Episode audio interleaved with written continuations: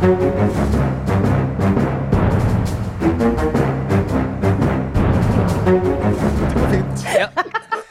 begynner, da. Ja. ah, ja, nei, men Da går vi i gang med denne ukens Aftenpodden. Eh, Vi er på plass. Det er jo da fredag morgen istedenfor torsdag morgen. Yes. eh, Av eh, praktiske årsaker på Aftenpostenhuset. Fordi sjefredaktør Trine Eilertsen, god dag, god dag. God dag, god dag. Og politisk redaktør Kjetil Astheim, god dag, god dag. Hei, hei. Dere har sittet på planleggingsdag. Vi har hatt to dager med kall strategisamling i ledelsen. Vi har tenkt lange tanker. Ja, Men bare digitalt, altså. det er alt, all den jobbinga og ikke noe av det hyggelige. Ja, nettopp. Ja, for det, er det som Verdens billigste ledersamling. Ja, de ledersamlingene som vanligvis innebærer en eller annen reise til et semieksotisk semi-eksotisk eh, land eller destinasjon. Og I hvert fall en med, middag. eh, middag eh, som, som ligger godt over eh, statens regulativer. Det skjer det ingenting av. Var det sånn take takeaway og Foodora hjem til eh, Zoom-møtet? Nei, Ikke det engang? Jeg har jo et rykte på meg for å være lite raus på sånne ting. Og det er ikke fordi jeg er gniten, men fordi jeg kommer ikke på det. Sånn sosial dimensjon og sånne ting. Så jeg kommer ikke på det. Etterpå tenkte jeg det burde jeg ha tenkt på. Sorry, gjeng. Hva var det du Kjetils uttrykk 'empatien strakk ikke til'? Men da, da vil jeg si at det er antageligvis bra, fordi eh, jeg er blant dem som mener at sånn eh, digitale skåler og digitale sånn, felles middager og sånne ting, det ble vi ferdig med i mars. Ja. Det var to uker der det gikk an, og så er det for slitsomt. Enten så får du møtes, eller så får du, får du droppe det. Men her er vi på plass, da, i hvert fall alle fire i studio. Sara Sørheim, god dag, god dag. Hei. Og jeg heter Lars Glomnes. Av og til jeg må ta det med, da, så ikke jeg blir helt glemt i dette. Overkjørt. Ja, nettopp. Eh, Men vi kan si det er en eh, aktiv uke. Det er veldig mye på programmet. Mm, mye og ingenting, da, som, som vanlig. Mye som skjer, men ikke noe som skjer. Men mye som skjer på TV. Mye som skjer på TV. Ja. Og uh, vi, kan jo, vi får jo nesten markere, selv om det har vært en, en spesialutgave av Aftenposten USA denne uka, som ligger ute i podkast-feeden, som jeg håper alle har hørt det. Den tar det mer substansielle, men uh, vi har jo da også sett innsettelsen av Joe Biden foran altså Kapitol, den store, store anledningen som markerte Donald Trumps uh, siste dag på jobben. Eh, hva, hva er liksom den kulturredaktørpostdommen over dette lille arrangementet, Sara Sørheim? Jeg skal trekke på meg den hatten. Et lite, lite ekstra nummer. Ja. Eh, litt sånn analysehatt. Nei, altså Dere får se hvordan jeg lykkes med det. Men nei, vet du hva jeg tenker på når jeg tenker på den eh, TV-sendingen? Det var jo det det var. En TV-sending. Altså velregissert TV-sending. Men noe av det sterkeste er egentlig de to bildene. Eh, se for dere altså fra 6. januar. Bilde av Kongressen, og det ryker ut av vinduene, og det er demonstranter utafor, og politi med visir, og egentlig nesten litt sånn krigslignende tilstander. Eh, og så er det da, ikke mange dager senere, så kan du sette opp det andre bildet av eh, kongressbygningen pynta med flagg, og med liksom alle som betyr noe, alle the good guys, liksom, i amerikansk samfunnsliv og politikk, samlet på trappa der, med liksom fantastiske kulturelle innslag, og bare en sånn, hva skal jeg si, sånn følelse av sånn demokratiet strikes back på liksom helt sånn perfekt, picture perfect vis. Den kontrasten er ganske enorm. Og den tror jeg kommer til å sitte i. Men jeg vil si, eh, altså, også kulturelt, sånn det absolutte minste felles multiplum. Ja. Uh, den, den derre uh, Det er eh, J.Lo, Lady Gaga, Garth Brooks. Ja, altså det var uh, Vi måtte jo snakke litt om det her i denne gruppa også, sånn underveis. Garth Brooks, på en måte, var det en genistrek, eller var det litt sånn flaut? Nei, Jeg syns det var helt topp. Det var helt topp. Hvit, uh, folkelig Amerika-musikk som treffer mange. Kjempesvær, vet du, i USA, Sara. Større enn Lady Gaga? Vet du hva, jeg har vært på en på, ja, ja, det vil jeg si. Jeg har vært på en eh, sånn eh, countrykonsert i en sånn Globe, svær sånn innendørs sportshall i Houston, Texas. Og der var jeg Jeg var akkurat flyttet til Texas. Og det var Reba McIntyre og sånn svær stjerne. Og da var det 60 000 mennesker med sitteplasser inni denne Globen. da. Og jeg var på dette arrangementet. Eh, og jeg og noen andre. Og da når hun sang, så reiste alle seg og kunne alle tekstene. På alle sangene. Og jeg hadde ikke hørt én av de sangene i hele mitt liv. Det var en utrolig sær følelse å være på et sånt evenement som var så svært country-evenement. da. Eh, som liksom bare var helt sånn internalisert i alle de som var der. Og jeg kunne ikke ett refreng. Det var, det var virkelig som å komme til en annen planet. Men det var, da tenkte jeg dette. Og kanskje også er det liksom nettopp at, å, Kanskje er det også det som var den utstrakte hånda da, på dette arrangementet. Fordi det som Det var litt sånn dobbel følelse hos meg å se på det. Jeg vet ikke om dere kjente på det samme. Altså, men jeg, det var veldig, veldig veldig, veldig flott. Det var først og fremst en, en stor opplevelse å se på. Men så snek det seg inn en liten sånn ekkel tanke i hodet samtidig som jeg ikke helt klarte å dytte bort, som var at det var for perfekt. Det var liksom det var, det var liksom eliten som bare sto der og klappa hverandre og high fiva og woho, yes, vi vant! Og så tenkte jeg æh, hvordan ser dette her ut, hvis du syns disse folka her er liksom scum of the earth i utgangspunktet?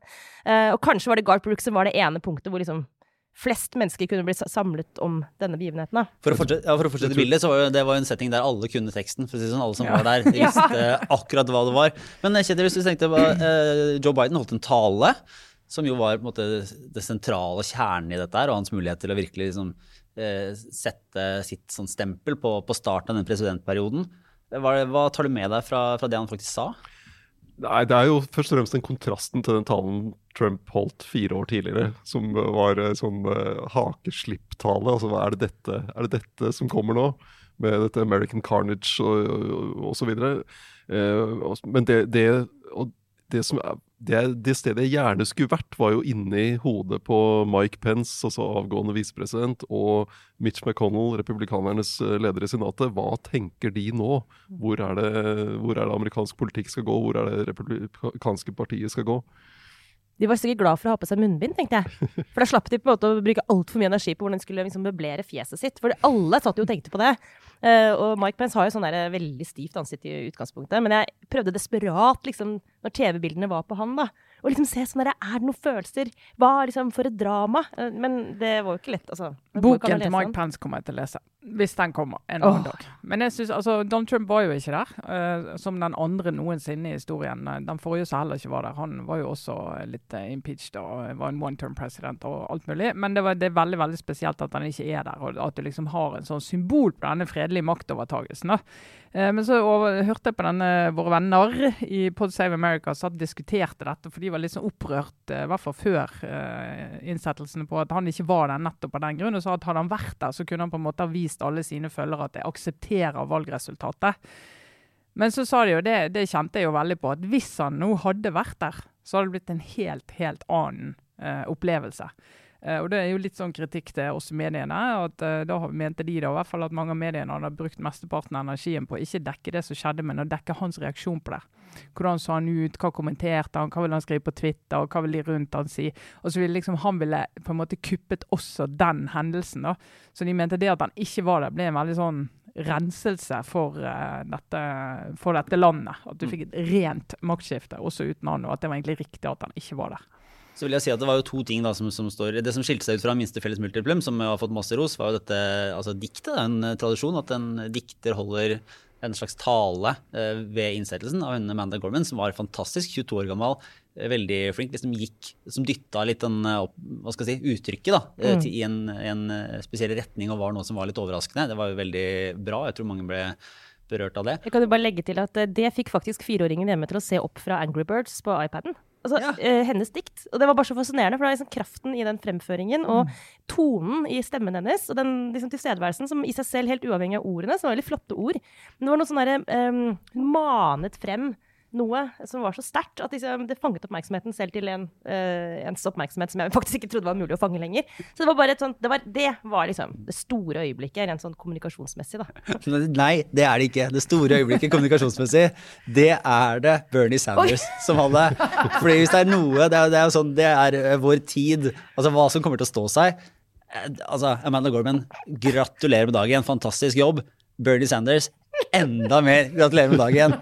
Jeg tror, altså Det bildet av han som sitter i vottene sine og, og med liksom armene i, i kryss på en stol, fryser litt, er litt sånn der grumpy old grandpa.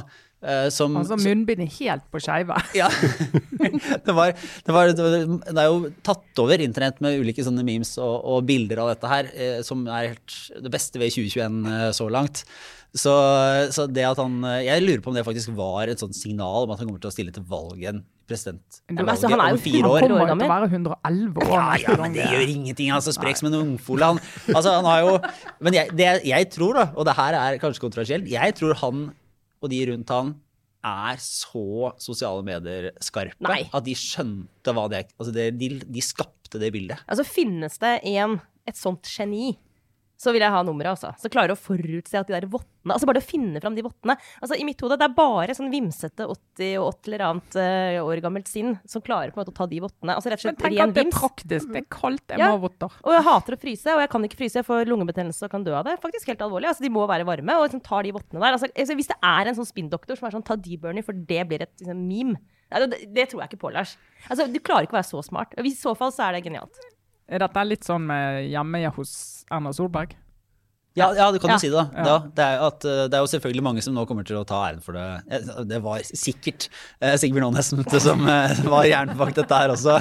eh, hvis, hvis, for. Men, nei, men jeg, jeg, jeg skulle, det skulle ikke forundre meg om det var sånn tenkt ut, for det er jo det er jo helt malplassert, egentlig. Alle sitter der rundt i dress og helt sånn pynta opp, og han ser ut som han skal videre på, på hockeykamp. Det var bare fornuftig. Det var kaldt og ja. Men det Men det som, kanskje ikke er, det som kanskje ikke er tilfeldig, eller som sikkert ikke er tilfeldig, er jo armene i kors. Altså, den derre 'I'll be watching you'-holdningen. At han er der, men at han på en måte, Og også det at han ikke pynter seg. Altså, det kan godt hende at det, det kjøper jeg at kan være liksom, Det er på en måte hans tilnærming til, til politikk òg. Altså, og han er jo i, i opposisjon til denne presidenten. Og selv om han selvfølgelig er glad for et maktskifte og bla, bla, bla, så er det akkurat den der at han sitter der og er litt sånn eh, skeptisk. Det, det, kan jeg, det kan hende at det var intendert. Men det var liksom bare graden av liksom, internettvennlighet i liksom antrekket. Så, ja, nei. Men eh, ta, uansett, tusen takk. Jeg er enig at det var et høydepunkt så langt i 2021. Ja. Men eh, hvis vi da fortsetter til uh, slags uh, kostymedrama i, eller, ja, i norsk politikk, så har det jo vært uh, Stortinget er tilbake.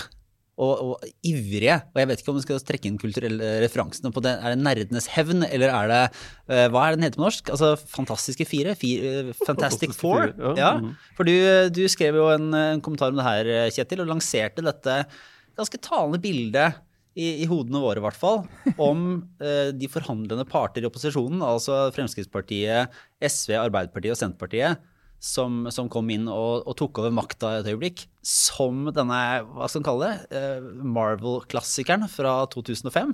Ja, ja, filmversjonen, ja. Mm. eh, De er jo blitt omtalt som firerbanen og andre, og der, det har, hvis du går tilbake, så ser du det har jo litt sånn negative referanse. Det er en negativ referanse til kulturrevolusjonen i Kina, som jo var, ikke, ikke var et godt kapittel.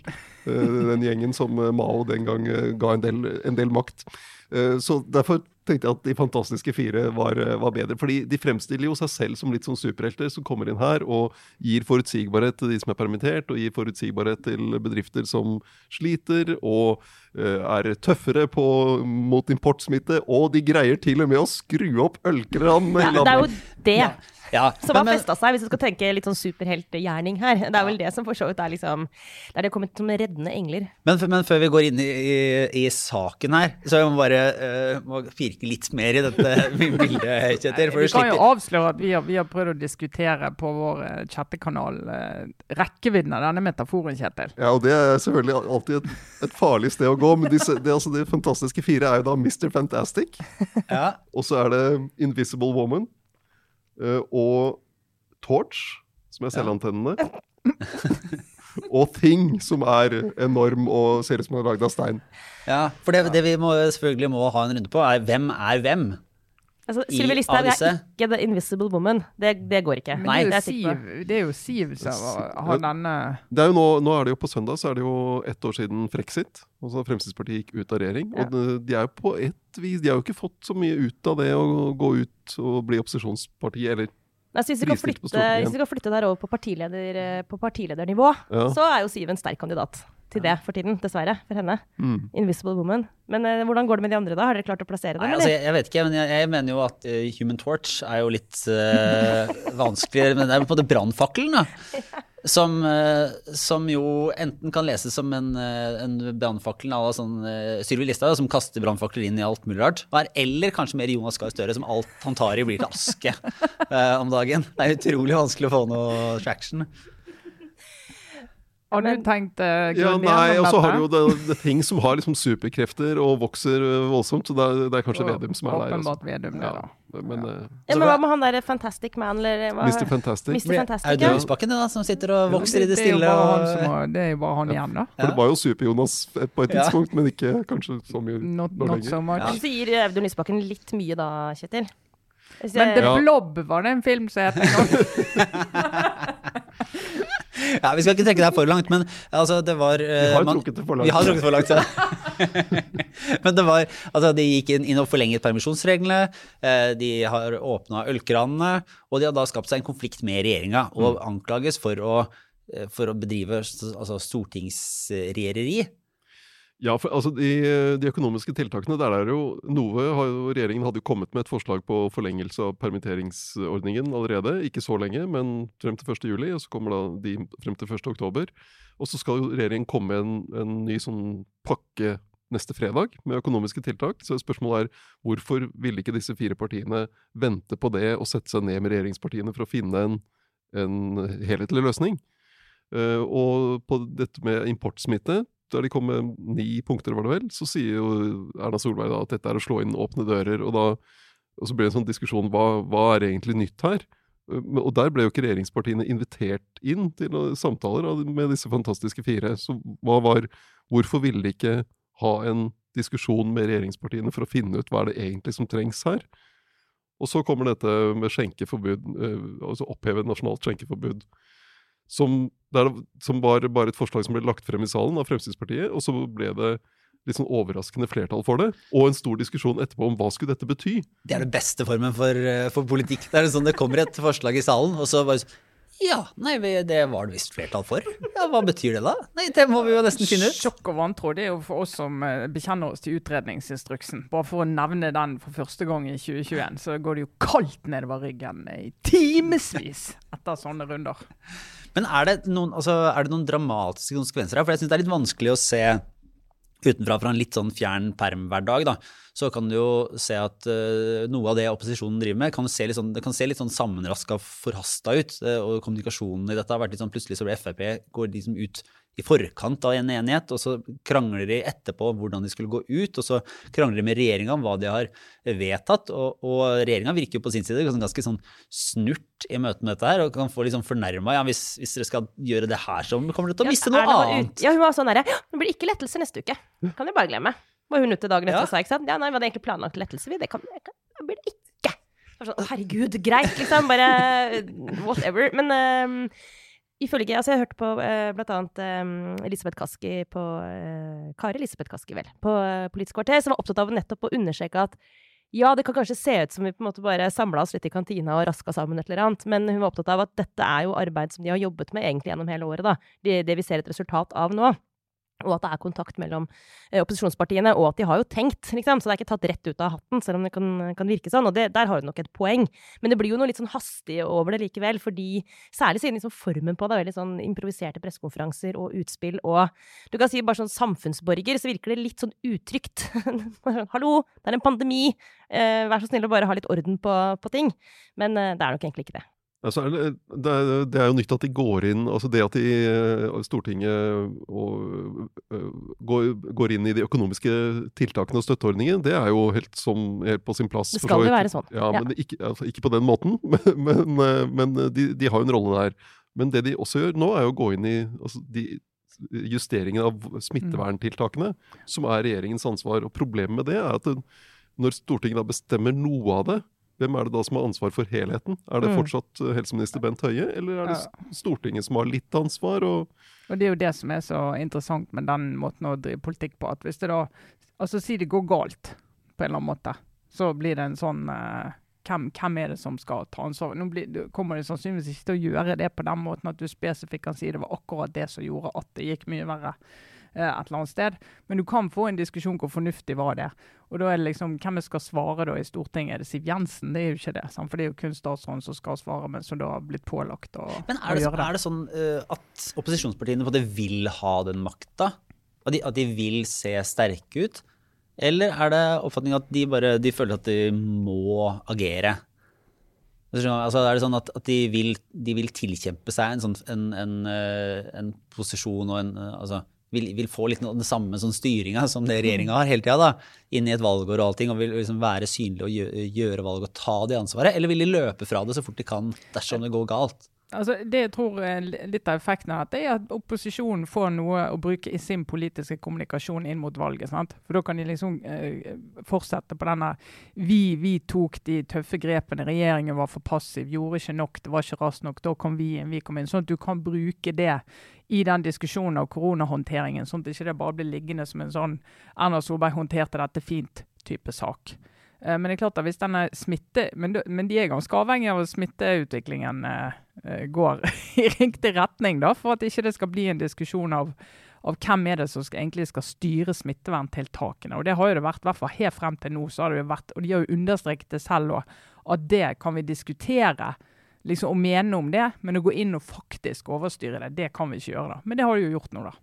Enten så kan det være en, eh, på en, måte en sterk, eller hva skal jeg si, en, en, i overkant ivrig opposisjon, da, som, som vil ha stortingsregjeringer, som, som, prøver seg å, å, dytte på ting hele veien og, og, sånn sett går over streken, hvis du vil kalle det det. Eller så er det jo en svak regjering som ikke klarer å, å få flertall for sine tiltak og, og drive liksom grunnarbeidet på Stortinget som sørger for at de har med seg noen partier og, å gjøre at dette ikke skjer.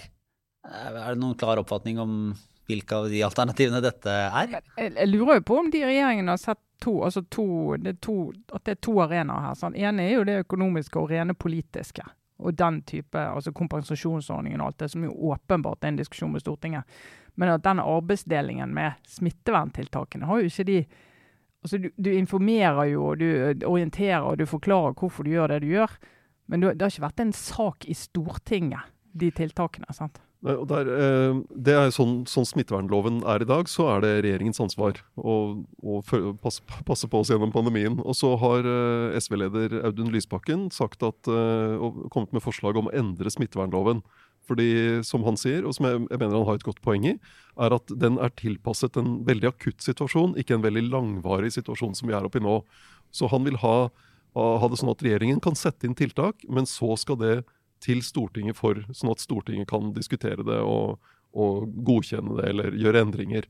Og det, jeg tenker at det er, Han har et godt poeng, og det er verdt å, å se på den loven i etterkant. Vi har vært innom det mm. tidligere. Når vi er ferdig med denne pandemien, så er det en av de erfaringene som, som man bør ta, ta opp. Eh, bør Stortinget involveres på et eller annet vis når du har en langvarig eh, situasjon med, med smitteverntiltak? Men, men, eh, men, det er jo ikke, så loven er jo ikke endret. Så men så vil vel opposisjonen si at eh, ja, regjeringa kanskje sitter og, og prater med de samme folka eller, eller med seg sjøl og kjører sitt løp, men så er opposisjonen ute og får innspill fra andre.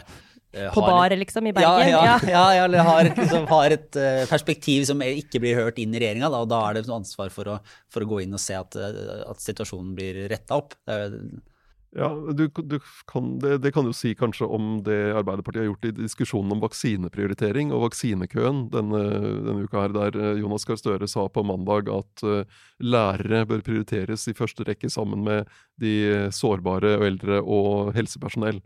Uh, og så er jo, Det er jo 100 000 lærere eller noe sånt i dette landet. Så betyr det at Arbeiderpartiet skal putte 100 000 lærere inn foran i vaksinekøen. Hvordan skal de stå der på lik linje med, med de over 85 og, og de, de, det helsepersonellet som skal ha vaksinering? Du kan jo bare ta vaksinere én om gangen, eller altså, det er én sprøyte om mm. gangen.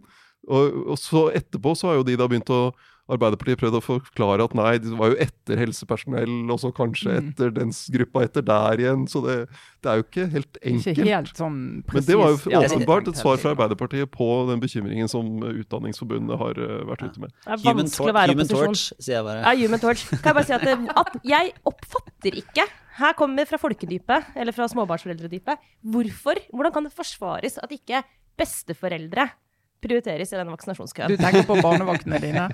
det er det jeg gjør. Men altså, det ville vært samfunnsøkonomisk utrolig smart. Altså, jeg skjønner jo og anerkjenner det prinsippet om at vi må hjelpe de gamleste først. Eldste, heter det vel. Um, men hvis vi skal ta liksom de som er over 65, da, hvorfor ikke ta de friskeste over 65? Altså de, altså de som er altså 67, for eksempel. 68, 69. Altså de som da kan gå inn og passe barna til oss som er i arbeidslivet, sånn at uh, samfunnshjulene ja, ja, liksom mm. går fortere rundt. Ja, men vi må jo være på hjemmekontor uansett. Altså, prøv å være på hjemmekontor med to barn under ti år, liksom. Lykke til! Nei, det, men altså, helt, jeg mener helt alvorlig. Jeg skjønner ikke helt uh, den, den, prioriteringen. Den men, skjønner jeg ikke helt. De er jo risikogruppe, de over 65 uansett. Ja da. Ja. Men denne vaksinediskusjonen, den er jo veldig sånn Du må ta noen valg, og hvis du skal gå inn og si sånn De er også viktige. Da begynner du jo å Ja. Men ha et akkurat den, ja, den, den, tror jeg, den tror jeg vi tar Jeg eh, neste uke. Vi må kjapt innom det som var eh, hva skal jeg si, fjoråret, toåret. Det kom sist fredag, så falt dommen i eh, altså saken mot Laila Bertheussen, som ble dømt til ubetinget fengsel. Og vi må bare ta en helt kjapp runde på, punktum i denne vanvittige, vanvittige saken. Ja. For det, det lå jo liksom litt i korta. Du var jo en del i retten, var du ikke det, Sara? jo. Eh, og du var ikke overraska over, over at hun ble dømt. Foreløpig, har anka på stedet. Det som er litt sånn slitsomt uh, det å tenke på, egentlig, er at den saken ikke er ferdig. Uh, I og med at den ble anket på stedet. Mest sannsynlig, for å se da, det skal jo, anken skal jo behandles, men da betyr jo det mest sannsynlig at det blir en ny runde. Med akkurat samme sinnssyke sirkuset. Og det kjenner jeg at det er litt sånn Selv jeg, som vel eh, har hatt en ganske sånn entusiastisk tilnærming til den rettssaken, kan kjenne på at det, det er ikke nødvendig. Altså, Jeg er ingen jurist, men jeg har jo sittet og sett på den bevisførselen og tenker sånn Kunne ikke noen bare hvisket et, et godt råd inn i øret til um, Bertheussen her? For det, det, er, det, er, altså, det virker så ufattelig usannsynlig at man skulle fått et annet utfall i en, eh, i en ny runde i retten. Uh, og at vi skal sånn dra oss gjennom dette her en gang til. Men, men. Vi får se hvordan det går. Altså, ikke overraskende at hun ble dømt. Og eh, heller ikke så veldig overraskende at hun ble dømt for denne paragraf 115. Men det var jo det som var spenningsmomentet. Eh, og det er jo den med trussel mot uh, demokratiet. Den, den, hun ble hun, det eneste hun ikke ble dømt på, var det punktet som, uh, som gikk på å ha funnet på en forbrytelse som ikke har skjedd. Eh, de var også tiltalt for det. Ja, nettopp. Ja, fordi Men- forbrytelsen hadde skjedd. Den forbrytelsen hadde jo skjedd, så det lå jo i korta. Så så ble hun dømt for det ene, så måtte hun bli frikjent for det. Men det, var jo en, det, var, det er jo en 125 sider lang dom. dom. Kan ikke si at jeg har lest alle de 125 sidene, men jeg har lest en del i den. Satt og koste meg med den i helgen. Og eh, den er altså så tydelig. Og det er liksom det er null, null, null, null tvil. Og det er liksom ja, så Det det er enstemmig på alle punkter. Absolutt. Nei, den ballen er lagt død. Men- For men det- de fleste. Men det jeg tenkte, jeg tenkte når dommen kom, da, for det var jo stor interesse, og mange lurte jo på hvordan det gikk, og så gikk det sånn som jeg tror mange trodde det kom til å gå. Eh, og så tenker jeg at det er en type sånn sak som vi som står midt i det i samtiden, vi ser ikke nesten helt rekkevidden av det. Vi kan snakke om det, men jeg håper noen lager en true crime-podkast eller en dokumentar eller hva det er, om noen år.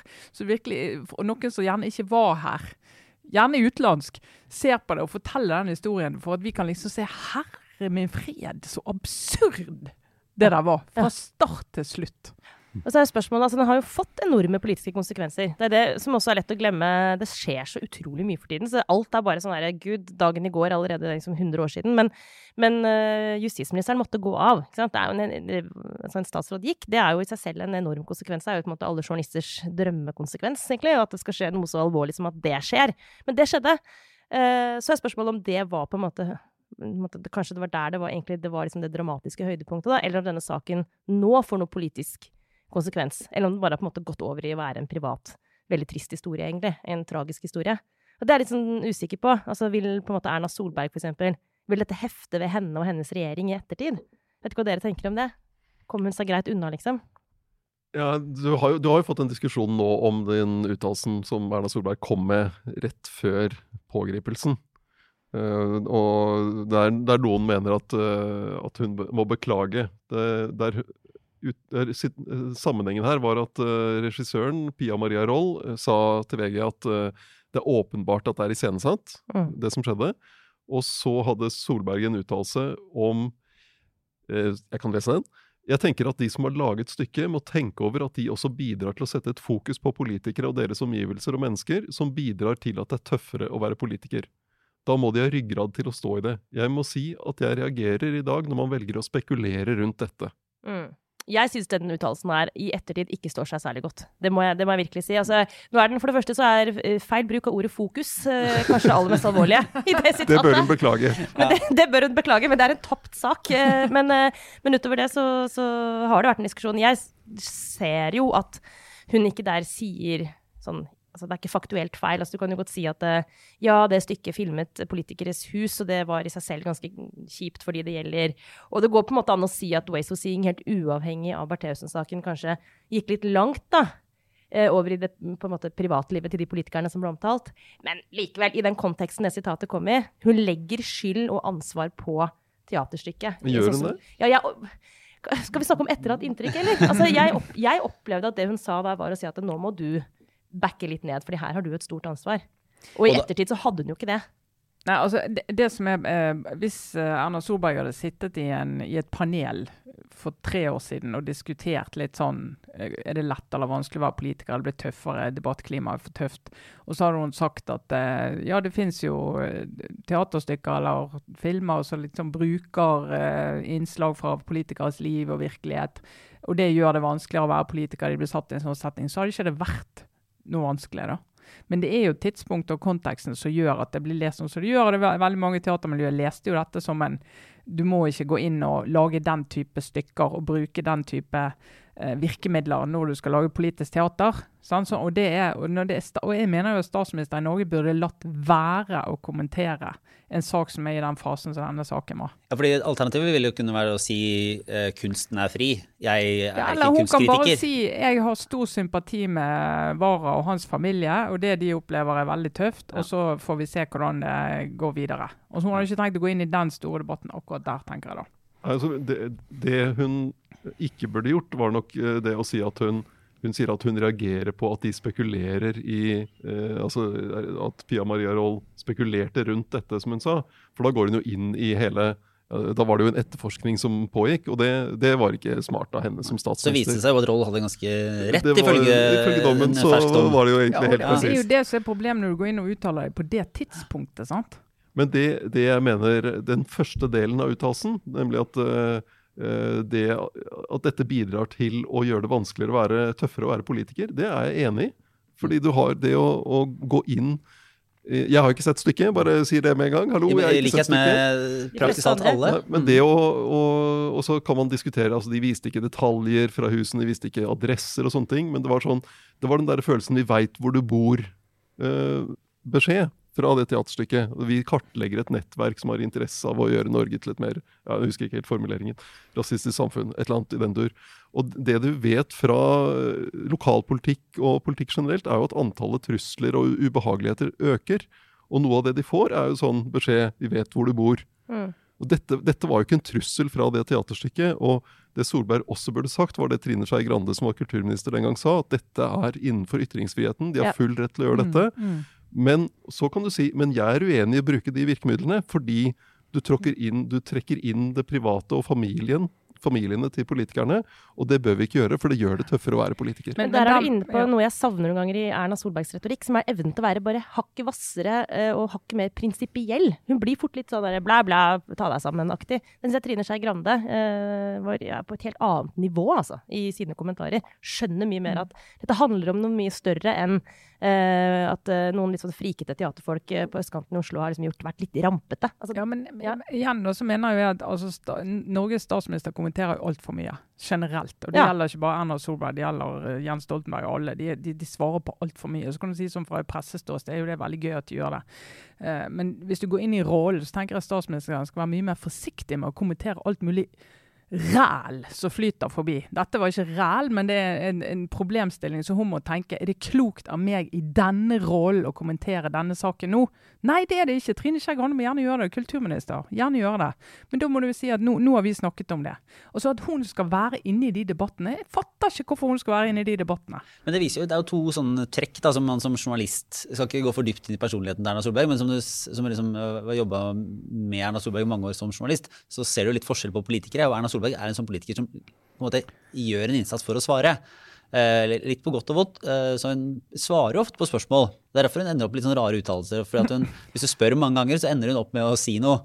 Det, er, det vil jeg jo støtte. Det er på en måte veldig, det er veldig gøyalt og sjarmerende fra et journalistisk Ja, det gjør jo at du får mer informasjon enn du ellers ville fått. Den andre trekket da, som du også kan merke, er at hun har veldig god hukommelse på, på, på hva hun har sagt. Og hun har veldig hun er litt retthaversk på ja, egne vegne. Ja, ikke sant? Sånn at hun har vondt for å, for å beklage noe. Eller, eller hvis, hun, hvis hun finner en liten detalj som gjør at hun kan mene at hun har hatt rett, Mm. så husker hun den detaljen, da. Men det er en hemsko for henne, for at det, og det der er et veldig klassisk trekk. Mange har det. Veldig mange. Kanskje til og med undertegnede. Men det er bare sånn Det der med å liksom klare å slippe sånn Det var egentlig ikke akkurat det jeg sa, men drit i det, liksom.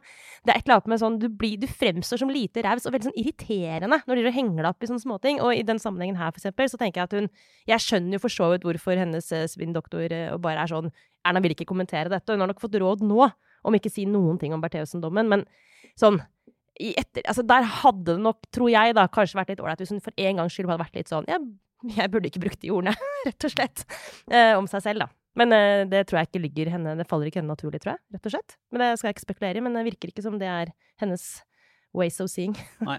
Nei. Men eh, Veldig, veldig. Bing! Nei, men Da tror jeg vi går videre til en runde med obligatorisk refleksjon. Eh, og da kan egentlig jeg begynne, for jeg gjør det litt komplisert denne uka. Først vil jeg komme med en anbefaling som er en slags oppfølging inspirert av det diktet som hun Amanda Gorman holdt da, på, på innsettelsen av Joe Biden. Gud, skal du lese ditt eget dikt, Lars? Jeg skal ikke lese ditt eget dikt. Det har vært veldig, veldig, veldig bra. Jeg har skrevet mitt eget. Uh, Det tar bare 23 minutter. Klatre opp bakken. Uh. En ung, hvit mann Ja. eh, forteller om Barnevogn i nysnø. ja. Eh, nei, som var, eh, fordi at uh, Inspirert av altså jeg, jeg visste ikke hvem hun var fra før, så jeg gikk inn og, og, og så henne på Twitter, og da havna hun i en liten sånn Twitter-prat med han Linn Manuel Miranda, som er en musikal, altså en altså, skuespiller En mann som heter Linn Miranda? Ja. Flott. Ja. Og der hun, så han lagde da denne musikalen Hamilton, om Alexander Hamilton, den ene sånn grunnlovsfaren i USA, som har vært en av altså, verdens mest sånn, kjente, berømte, eh, applauderte musikaler. Og så kom det fram i denne lille dialogen da, mellom de to at hun hadde lagt inn to referanser til Hamilton i diktet sitt. Eh, så det var liksom eh, to småting der. Og den har jo gått for stappfulle saler i New York og på Broadway i flere år. Helt umulig å få billetter, kjempedyrt. Øystein Langberg har for øvrig sett den, og han har anbefalt dette i USA-podkasten tidligere. Men jeg har aldri eh, somla meg til siden i høst å få sett musikalen, for den ligger nå på Disney pluss. Ja? Så der kan man se den, og den er så vanvittig verdt det. OK. Helt Fantastisk. Det er vel ikke blande med den andre Hamilton, da. Ja, ikke Hamilton. Nei. det kan være to For all del kan være fine du filmer, det òg, men, eh, det, altså. men dette dreier seg da om, da, om egentlig fra, fra, fra den amerikanske revolusjonen da, mot, mot britene og Alexander Hamilton, som var en, en eh, på en måte underspilt, mindre kjent på en måte eh, grunnlovsfar og hans ganske dramatiske liv. Men det er helt vanvittig å se hvordan de har lagd musikal av sånn, debatter om eh, helt, helt nybrott skattepolitikk i USA. Men altså, hvis man virkelig, virkelig, virkelig virkelig hater folk som bryter ut i sang og dans i utide eh, Eh, Altså det- sjangeren eh, musikal. Ja, da kan du fortsatt se den. Seriøst? Ja. Ok, jøss. Ja, da, skal jeg vurdere det. Spennende. Så jeg vil anbefale det på det sterkeste. Så det er det. Men den andre delen av det, det var egentlig en eh, Nå, nå vipper jeg det over på Kjetil, fordi jeg vil anbefale å lese hans eh, kommentar om Hva er det, storbymeldingen? Eh, levekår i byene. Ja. Mm. Eh, og, og det er bedre da, siden du faktisk er her, at du egentlig kan oppsummere dette. Men det var en del interessante perspektiver om liksom den eh, si, storby-distriktsdebatten som foregår, og hva den meldinga sier om de utfordringene man faktisk har i norske byer, og hvordan det skal prioriteres. Så kan ikke du bare dra et kjapt resonnement på hva det var, så, så folk kan eh, få en vei inn i det? Jo, altså Utgangspunktet her var jo den debatten du hadde om, eh, om gettoisering og svenske tilstander og sånn. Som eh, Da vi husker at Sylvi Listhaug dro på Det var den mest elleville valgkampturen i hvert fall. Var med Sylvi Listhaug til Rinkeby. Der hun skulle drive valgkamp, så liksom sende hjem da, beskjed om sånn skal vi ikke ha det. Det føles som det er et annet århundre. Så Ja, det det. tett, dere sto så tett Ja. den gangen. Det var veldig tett her. Eh, og så satte regjeringen da ned et utvalg. Det er det man gjør når man skal prøve å få et eh, ordentlig grunnlag for debatten. Og så er det svenske tilstander eller danske gettoer i Norge. Og konklusjonen fra det utvalget det kom da rett før, kom i desember, rett før jul. Nesten ingen oppmerksomhet. Uh, Siv Sandvik i Adressa har skrevet om den, og det er omtrent det. Uh, Og De konkluderer jo med at det, det står bedre til i, i Norge enn i, i Sverige og Danmark. Vi har ikke de, den type getoisering eller segregering da, eh, som, vi, som de har der. Men du har en utvikling som er negativ i, med noe mer segregering i Oslo. Og du har en del eh, områder der du har sånne levekårsproblemer, da, utfordringer, som det kalles, som samler seg opp. Sånn arbeidsledighet og fattigdom og trangboddhet og eh, alt dette på en gang. Og, og det er jo i byene du har det. Eh, og så Noe av det de skriver om, er at eh, selv om disse bykommunene gjør en del for å, for å jevne ut eh, forskjellene i byen, altså sette inn ekstra innsats for at barn for eksempel, da, skal få et likeverdig tilbud, selv om de bor i det miljøet som andre, så, er, så, er det, så tyder ting på at de skolene ikke får kompensert nok. Mm. Så det betyr at de som egentlig trenger det mest, ikke får et så godt skoletilbud som de burde få. Det er en, en av de interessante tingene. Men det her, Er det her først og fremst et spark? For det er jo noen konkrete ting der som, som, uh, som på en måte uh, bryter med i hvert fall sånn regjeringens politikk på dette her. Men er det, er det først og fremst en, en liten ørefikker, en opp en oppvåkning til bypolitikerne eller til rikspolitikerne? Det, jo, altså, det som har dominert det siste året, er jo en distriktsdebatt, og at sentraliseringen er det største problemet i, i dette landet, uh, som Senterpartiet flyter godt på. Mens det denne rapporten viser, er at det er noen av de største utfordringene største levekårsutfordringene er i byene, og det snakker vi altfor lite om. Ja, men, men det er jo åpenbart riktig. Og det, hvis du ser Noen problemer er jo For jeg tror alle vet jo dypt inni seg at det er sånn det er, men det, ordskiftene våre de er på en måte alltid veldig sånn endimensjonale. Så De siste årene så har det bare vært eh, by, land, distrikt, sentralisering. Og det er så mye som forsvinner under den radaren. Uh, og Hvis du diskuterer f.eks. fødetilbud rundt i landet, eller en del sånn medisinske tilbud rundt i landet, typisk nå i Kristiansund, uh, så ser du at noe av problemet nå er for Stortinget har jo liksom bestemt at der skal det være fødetilbud med god bemanning. De får ikke tak i disse folkene. og Stortinget sier bruk hva som helst av ressurser for å få det til. Vi skal ha det til. Vi skal få det til. Og man snakker om hvis det blir regjeringsskifte, skal liksom gjenopprette en del tilbud rundt i landet. Men du får aldri diskusjonen ja, men hva er alternativkosten for det? Hvis du aldri kan ta sånne valg, hvem går det utover? Går det utover bare de som bor der? Altså Går det bare utover de, eller går det utover eh, folk som andre steder i landet og i byene også trenger ressurser, trenger helsetilbud, trenger skoletilbud?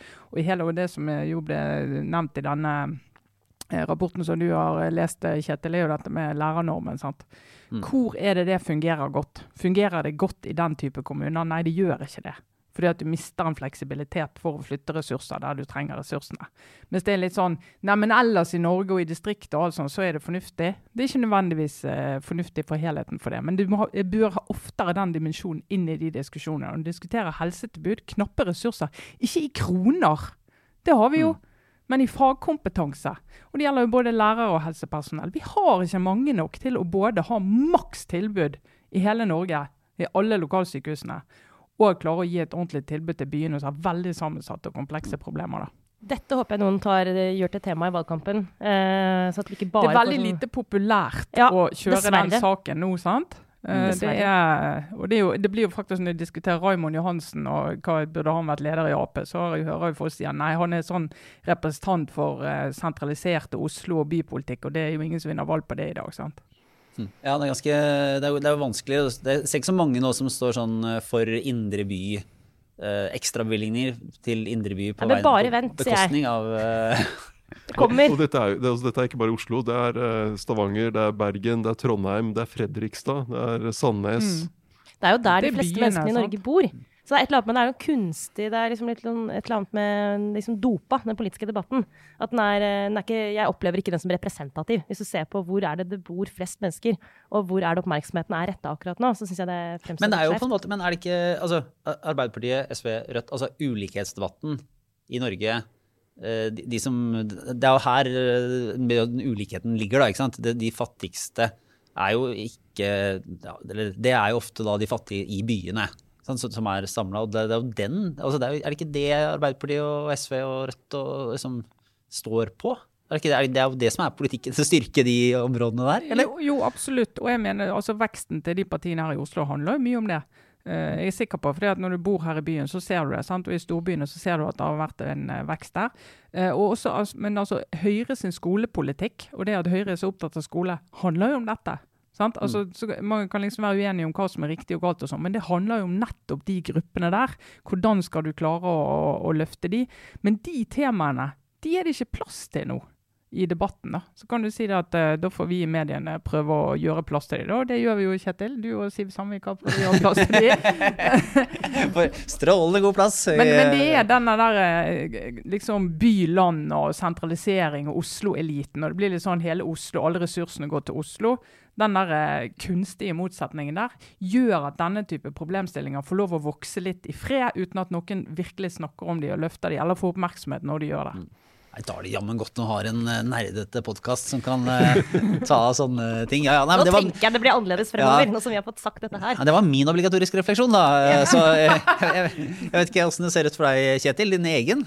Min egen. Jo, nei, jeg bare lager en liten klimakrok her borte nå. Ja. Det er jo interessant uke både internasjonalt og nasjonalt egentlig på klima. Det, med Joe Biden så blir det jo en helt ny klimapolitikk i USA.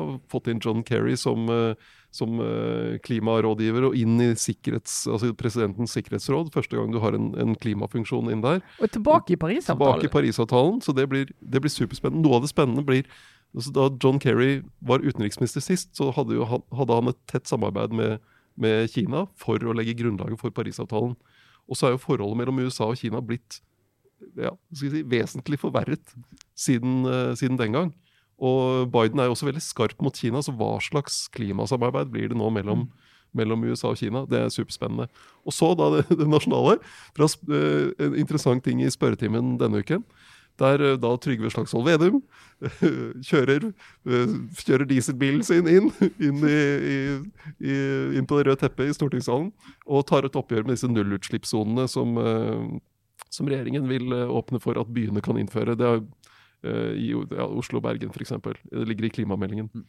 Uh, og der han sier at eh, nå, den, nå kan jo ikke den uh, renholderen som skal vaske kontorene på Aker Brygge, kjøre og parkere med den gamle dieselbilen sin i parkeringshuset på Aker Brygge. Som om så mange gjør det. Det tiltaket er jo ikke veldig treffsikkert, hvis du ser på så, som klimaeffekten av det. Er ikke, så, det, er, det er ikke sikkert at det er så veldig lurt tiltak. Men, men, men, så han har funnet noe å hakke på der.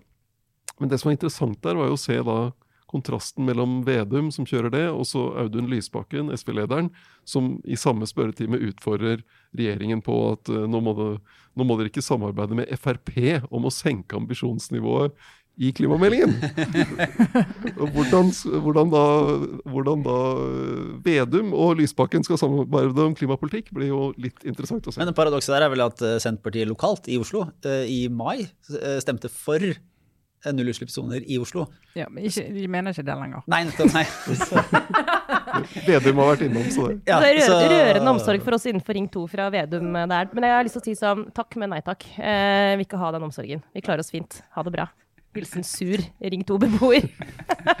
Vedum ville jo forresten også da skyte litt flere ulv, så det er også en kontrast til Lysbakken. Så det. Men, ja. Det skal bli gøy. Åssen er det med deg, Sara? Din obligatoriske refleksjon inn i denne helgen? Eh, Du, det, Den skal jeg gjøre kort, og det er helt et mirakel i så fall. fordi det er egentlig en uh, verdens største og lengste og mest irriterende sinnssyke debatt. Men uh, jeg skal bare nøye meg med å komme med en anbefaling. Eller nei, en oppfordring. eh, til å lese essayet til JK Rowling eh, om dette med transpersoner osv. Som ligger på hennes hjemmeside. Det er en lang tekst som jeg leste i går.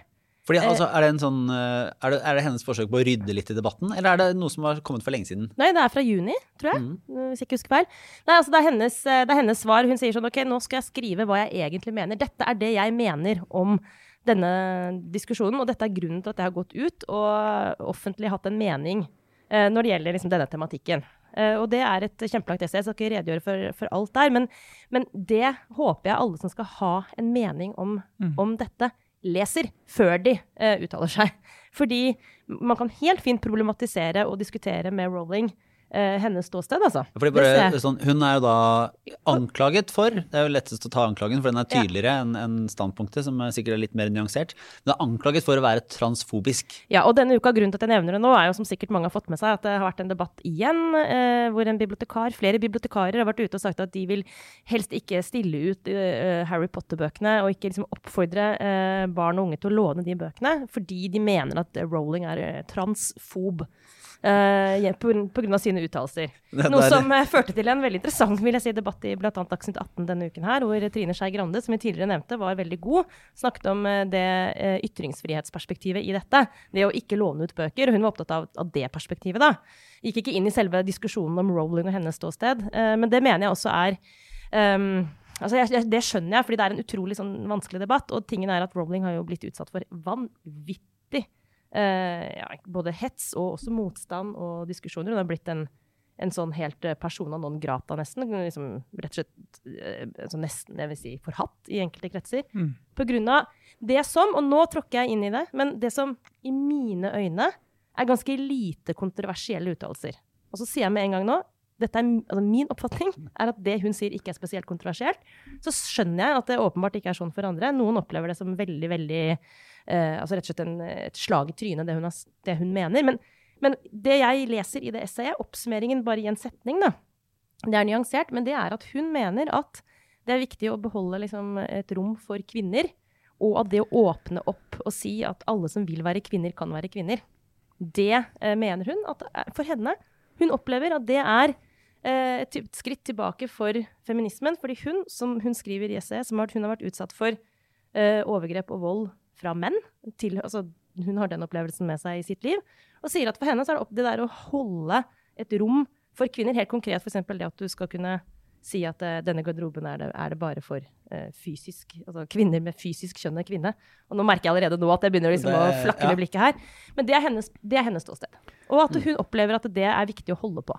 Og så kan man mene hva man vil om det, men jeg syns ikke det er en vanvittig kontroversiell ja, Men det er jo det som er kjernen, altså. For uansett hva vi mener om den saken, og den går jo fint an å diskutere, så er det denne voldsomme eh, kampanjen mot hennes eh, forfatterskap på det grunnlaget. Altså den merker jeg, der, der faller jeg helt av. Mm. Der faller jeg helt av. Ja, og skal, Forfattere må jo kunne gå inn i aktuelle saker og diskutere de, uten at du skal hekte det på hele forfatterskapet og si at nå skal vi, vi skal boikotte den forfatteren. vi skal ikke. Det vil være sårende hvis jeg viser at jeg legger opp til at noen skal lese denne boken. Jeg, jeg, jeg, aksepterer ikke den måten å tenke på. Jeg mener Det er altså så usunt. Og hvis man først skulle, Jeg er enig i at det må man kunne skille mellom verk og forfatter. Og hvis først, men hvis man først skulle trukket det inn, så er det jo liksom andre forfattere som står for vanvittig mye drøyere ting enn dette. Det er noe med, noe med å sette ting i sammenheng også. Altså den, hele denne debatten har blitt så voldsom, så unødvendig voldsom, og som gjør det helt ufattelig ubehagelig å gå inn i det. Også for meg, merker jeg. At jeg blir helt sånn redd for å bare liksom, ta disse ordene i min munn. Det burde ikke være sånn. Altså, tenk på gode, gamle Knut Hamsun. Altså, hvis ikke du kan tillate at eh, barn på biblioteket låner Harry Potter pga. Uh, Rowlings uttalelser om uh, transpersoner. Hvordan kan du tillate at noen låner Markens Grøde da, liksom? Altså, Skal vi virkelig dit? Ja, eller, eller viser at uh, her er bøken av nobelprisvinner Peter Hanke. Her står de. Ja, ja, ikke sant? Da, altså, ja. det, men dette her, hovedpoenget mitt egentlig akkurat i denne sammenhengen var å si at jeg håper folk leser, tar seg tid til å lese det essayet, og så kan man gjøre seg opp sin egen mening.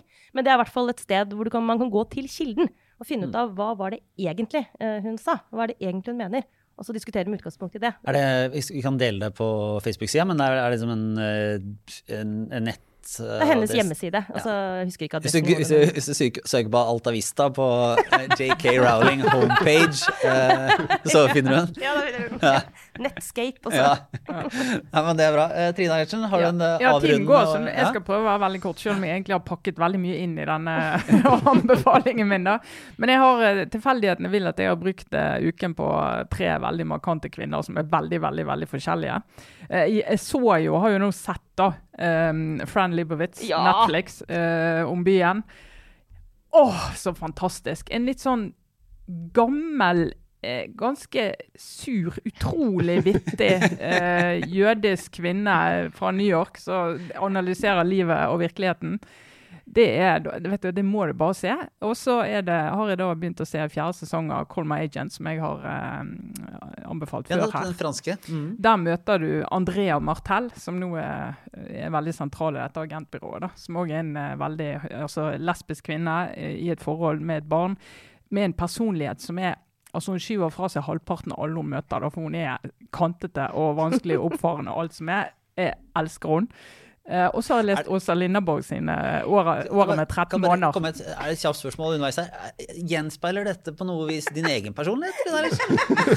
Nei, altså eh, det, For det er det jeg har lyst til å snakke litt om. For Jeg sitter og ser på disse kvinnene, og så har jeg lest Åsa Lindeborg sin bok 'Året med 13 måneder', eh, der eh, kulturredaktøren, kultursjefen i Aftonbladet i Sverige, da, veldig markant kultur, kulturpersonlighet i Sverige, eh, skriver om dette året, eh, metoo-året i, i svensk presse, og sin opplevelse. Hun gikk gjennom et brudd. og Hun er jo fantastisk å skrive. Hun skrev også boken 'Meg, jeg, jeg, ingen', som er en av mine favorittbøker. Så uansett hva Åsa Lindeborg gjør, så kommer jeg alltid til å hylle henne pga. det. Eh, Men denne boken er veldig, synes jeg, veldig god, veldig interessant.